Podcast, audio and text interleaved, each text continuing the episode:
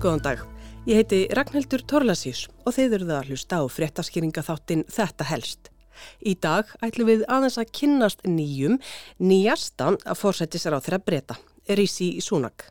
Gefum honum orðið. Let me tell you a story about a young woman almost a lifetime ago who boarded a plane armed with hope for a better life and the love of her family. Hér heyrið þið Rísi Súnak, nýjan fórsættisráð þeirra Breitlands kynna sig fyrir kjósendum í kostningaauðlisingu eða öllu heldur segja söguna af fjölskyldu sinni, hardduglegum innflytjendum sem ólu hann upp og komu til manns. This young woman came to Britain where she managed to find a job but it took her nearly a year to save enough money for her husband and children to follow her. One of those children was my mother, age 15.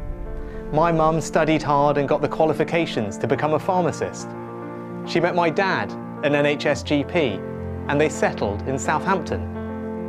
Their story didn't end there, but that is where my story began. Family is everything to me, and my family gave me opportunities they could only dream of. Unga konan sem hann segir frá að hafi stíðum borði flugvél fyrir næri heillimannsæfi, vopnuð vonum betra líf og ást til fjölskyldu sinnar, reyndist vera amma hans. Hún lendi í Breitlandi þar sem henni tókst að fá vinnu en það tók hana heilt árað sapna nægu fjö til að koma eiginmanni sínum og börnum til landsins.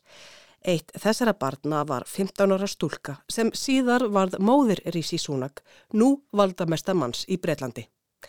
Þetta er falleg saga og áferðafögur kostningaauglýsing. Súnak kemur vel fyrir, fremur ungur á pólitískan mælikvarða í það minsta. Hann er fættur í mæ 1980, er yfirlega færtugur, indversk ættaður, ætið sérlega snirtilega til fara og vel greittur, ólíkt forveranum Boris Johnson sem er alltaf einhvern veginn eins og hann hafi sofið yllilega yfir sig. Og Súnak er velmentaður, velkvæntur, mjög velkvæntur, allavega hortir á hjónabandið frá fjárhagslegum sjónarhóli. Egin kona hins nýja fórsættisráð þeirra breyta er ein efnaðasta kona landsins og hann þar með. En meira um það síðar, höldum áfram með fjölskyldusuguna.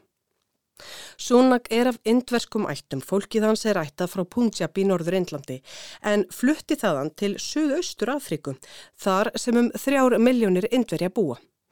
Og það er þaðan sem fjölskyldar Rísi Súnak flutti til Breitlands í kringum 1960, 20 árum áður en að hann kom í heiminn. Móður hans, Úsa Súnak, er fætt á því landsvæði sem að nú tilherir Tansaníu. Hún lagði að sögn Rísis hartaði sér í skóla í Breitlandi og stopnaði og rak eigið apotek, Súnak apotekið í Hafnarborginni, Sáþamtón á Suður Englandi, þar sem að fjölskyldan kom sér fyrir. Fadir hans, Jasvir Súnak, er fættur í Kenia og hefur starfað sem heimilisleiknir í nýja heimalandinu. Þau eru hinduar og Rísi Súnak líka fyrstur breskra fórsættistráð þeirra. Það þykir ekkert tiltökumál í Breitlandi en indverjar hafa þeimun meiri áhuga á að nú sé hindúi við stjórnvölinn í gamla nýlenduveldinu. A practicing Hindu, Rishi Sunak was named as UK's Prime Minister on Diwali. Svo vill til að Súnak varð fórsættisráð þeirra á einni mikilvægustu trúarháttíð hindúa, Diwali, ljósaháttíðinni, eins og fréttamaður því Indian Times bendir á. Á meðan Súnak var fjármálaráð þeirra, kveikti hann á kertum framann við útidirnar á dáningstræti 11, bústað fjármálaráð þeirra, á ljósaháttíðinni. After the 2017 general election, he swore his oath to parliament upon the sacred Hindu text, the Bhagavad Gita. Sunak has said that the Gita comes to his rescue during tough situations and reminds him of his responsibilities. But at times of the most difficulty, what Akshata has done for me is to give me the teachings of the Gita. And she has done it. She has done it on the phone, she has done it by message, but it is the Gita that has given me strength. Þó að Súnak flaggi trúsin ekki sérstaklega, fer hann ekki felur með hana heldur og hann yfkar hana. Þegar hann settist á þing sór hann eð við trúaritið bakvata Gita eða Gita eins og ritið er jafnan kallað og hann hefur sagt að á erfiðum tímum hafi eiginkonans ringt eða sendt honum texta úr Gita sem að hafi veitt honum styrk og myndan á ábyrð sína. Eins og hefðverðum hindu að sæmir leggur Súnak sér ekki nautakjöt til munns nýja neytir áfengis. Óhóf hans í mat og drikk verðist að eigin sögn einskorðast við umtalsverða neyslu á Coca-Cola. En hverfum aftur til æsku árana. Rísi Súnak er elstur þryggja sistkina. Sanjay bróður hans er tveimur árum yngri, hann er sálfræðingur og sistr hans Raki, fimm árum yngri, starfar fyrir saminuðu þjóðunan í New York. En hinn ungi Rísi Súnak gekk í Winchester College, heimavistaskóla fyrir drengi sem stopnaður var 1382 og þykir afar fyrir. Nest lág leiðin í Oxford þar sem hann lærði heimsbyggi, hagfræði og stjórnmálafræði. Það var á þeim árum sem hann hófað starfaðins innan íhaldsflokksins. En eftir námið í Oxford fór hann vestur um haf til Kaliforníu og lög MBA gráðu frá Stanford Háskóla. Hann starfaði hjá fjárfestingabankarum Goldman Sachs í þrjú ár og síðar í tengslum við Vogunarsjóði á samt því að stýra fjárfestingafyrirtæki í eigu tengdaföðusins. En pólitískur frami Súnaks hefur verið ótrúlega hraður. Hann var kjörin á þing fyrir íhaldsflokkin í mæ 2015 og vermir gamla sæti Williams Hague fyrverandi leðtu á flokksins í Richmond í Yorkshire. Það þingsæti hafa íhaldsmenn átt í rösk 100 ár. Súnak stutti Brexit og það hefur komið sér vel fyrir hann í pólitísku umhleypingunum í Breitlandi undanfarin miseri. Hann þótti handgengin Boris Johnson og er eitt þeirra sem var sagtaður fyrir að hafa verið í mannfagniðaði og skrifstofu fórsættisráð þeirra hans á afmælistegi þess síðanemda á sama tíma og samkomiðbann var í gildi í Breitlandi vegna COVID.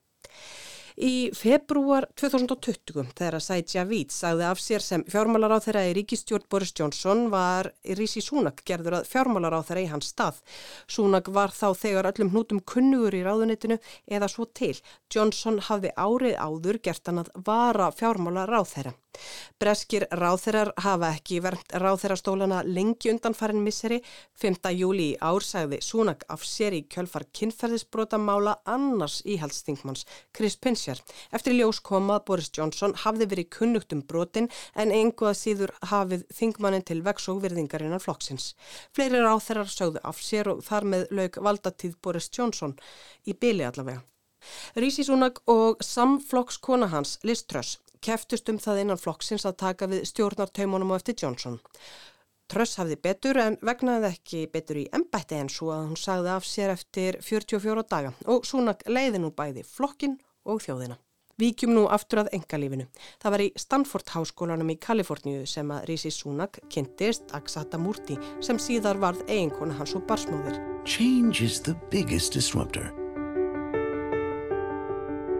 And digitization is the biggest change ever. Aksata er dóttir auðmannsins Narayana Murti, stopnanda tæknifyrirtækisins Infosys sem starfar í yfir 50 löndum. Aksata Murti er fætt á Indlandi og er indversku ríkisborgari, alin upp af afasínum og ömmu á meðan að fóreldrar hennar byggðu upp Infosys en móður hennar, Súta Murti, er verkfræðingur. Múrti er mentuð í fatahönnun og bætti við sig MBA gráði í Stanford. Hún hefur komið að stopnun og rekstri nokkura fyrirtækja. Í Breitlandi er hún svo kallaður non-dom, non-domiciled. Það hugtak er notað um fólk sem er búsett í Breitlandi en hefur heimilisfesti annar staðar. Það fólk nýtur eða getur notið sérstakrar undan þá í skattalögjöfinni. Aksata Múrti þarf ekki að greiða skatta af tekjum sem hún aflar utan Breitlands og þær tekjur eru umtalsverðar.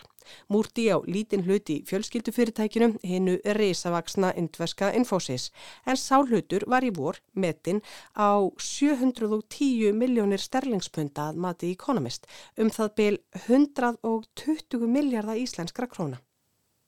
Væri hún ekki svo kallaður nándóm hefði hún þurft að greiða 38% arsins af hlutnum í Infosys í skatt í Breitlandi. Í umfjöllun í Economist um skattamál múrti í vor þegar ein maður hennar var enn fjármálar á þeirra var haft eftir talskonu hennar að múrti greitti skatta í Breitlandi af öllu því sem að bæri að greiða skatta af þar. Þau hjónin eru talin eiga samtals um 730 miljónir sterlingspunta og Sunday Times setur þau saman í 220. á annað sætið á listanum yfir efniðustu breytana. I've just been to Buckingham Palace and accepted His Majesty the King's invitation to form a government in his name. It is only right to explain why I'm standing here as your new Prime Minister. Hér stendur Súnag við púlt frammi fyrir dyrum forsætis ráþæra bústaðarins við dáningsstræti fyrir nokkrum dögum og lýsir því hvernig hann er nýkominn úr höllu Karls Konungs sem veitt honum umboð til að mynda nýja ríkistjórn.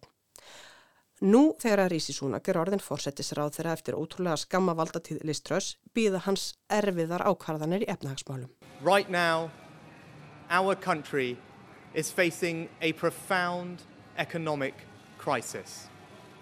The aftermath of COVID still lingers. Putin's war in Ukraine has destabilized energy markets and supply chains the world over. Hann nefnir eftirkost COVID, högt á vöruflutningum og ójapvægi á orkumarkaði vegna stríðsins í Úkrænu. Fleira mætti náttúrulega telja til. I will place economic stability and confidence at the heart of this government's agenda.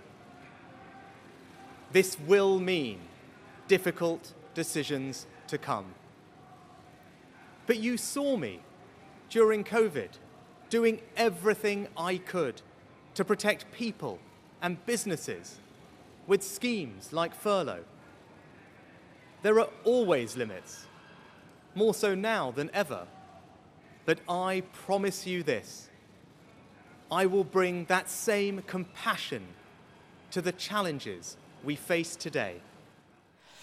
Súnag segir að efnahagslegur stöðuleiki og tiltrú á hagkerfið verði aðalatriðið í stefnu ríkistjórnar sinnar. Það þýði að erfiðar ákvarðanir séu framundan en hann minnir á að fólk hafi séð til hans í COVID þegar hann stóð fyrir allskynns aðgerðum til að stemma stegu við efnahagslegum áhrifum af pláinni. Þá hafa hann reynt hvaðan gat til að verja fólk og fyrirtæki. Súnag bendir á að takmörk séu fyrir öllu en hann muni sína sumu samhegð í erfileikonum framundan. En nú stefnir sem sagt í aðhald í útgjöldum hins ofinbera, neðurskurð. Og þá er það spurning hvað almenningi finnst um að sá sem að stendur fyrir niðurskurðunum sé forríkur, eigi til að mynda fjölda húsa á íbúða og sé eins langt frá því að deila kjörum með fólkinu í landinu og hugsast getur. Verður það vandamál innan flokksins? Matthew Holaus, stjórnmálaskýrandi Economist, bendir á að íhaldsmenn séu vanir því að efna fólk sé í og í kringum flokkin. The Conservative Party is used to having people that would be seen in any normal measure as being rich around it, but his family wealth is something like 100 times that of what one would think of as a rich cabinet minister, right? That is problematic. En ríkidæmi Súnags sé hundraðfalt á við venjulegan ríkan ráð þeirra og það gæti jú orðið vandamál. En annað gæti líka þvælst fyrir, bendir Matthew Hólás á. Á sama tíma á fólki íhjaldsfloknum sé verulega ánægt með að það eigi innan sinna raða fyrsta fórsættisráð þeirran af asískum uppruna og líti svo á að floknum hafi tekist vel við að byggja upp stjórnmálamenn af erlendmættum þá flækist þið alþjóðlega yfirbráð súnags fyrir. Ekki ætternið heldur mentunin í Stanford og starfsenslan til dæmis hjá Goldman Sachs og íhalsmönnum þykir erfiðar að kingja því en ríkidæminu. The thing that it finds more difficult to digest is that Rishi Sunak, by product of his education and his career, really does represent one of the winners of globalization, as it were. And this is a party which, over the past six years, has become increasingly uncomfortable with or even hostile to globalization and increasingly vocal about standing up quite aggressively for what it perceives as the losers of globalization. Súnak sé tákmynd þess sem að vegni vel í alþjóðavættu samfélagi en flokkurinn hefur færst fjær alþjóðavæðingu undan farin ár, sé ég vel anstnúin henni. This was a party that liked the idea of London as the ultimate global city and a place where internationally mobile people wanted to come and spend their money, and the country thrived and profited from that. And the parties turned against that. And so that is where the tension with Rishi Sunak comes from. Not so much his wealth, but rather this sort of ideological change, I think. Eitt sinn hafi íhaldsmenn kunnað að meta hugmyndina um hérna alþjóða vættu heimsborg London þar sem að fólk sem að hefur fjámiðli handana vil dvelja og eigða peningunum sínum svo að innfættir hagnist á. Nú sé flokkurinn ansnúnari alþjóðavæðingu bendir Matthew Holhouse á í hlaðvarpi Economist og þar sé hætta á núningi við hinn nýja leðtuga Rísi Súnag.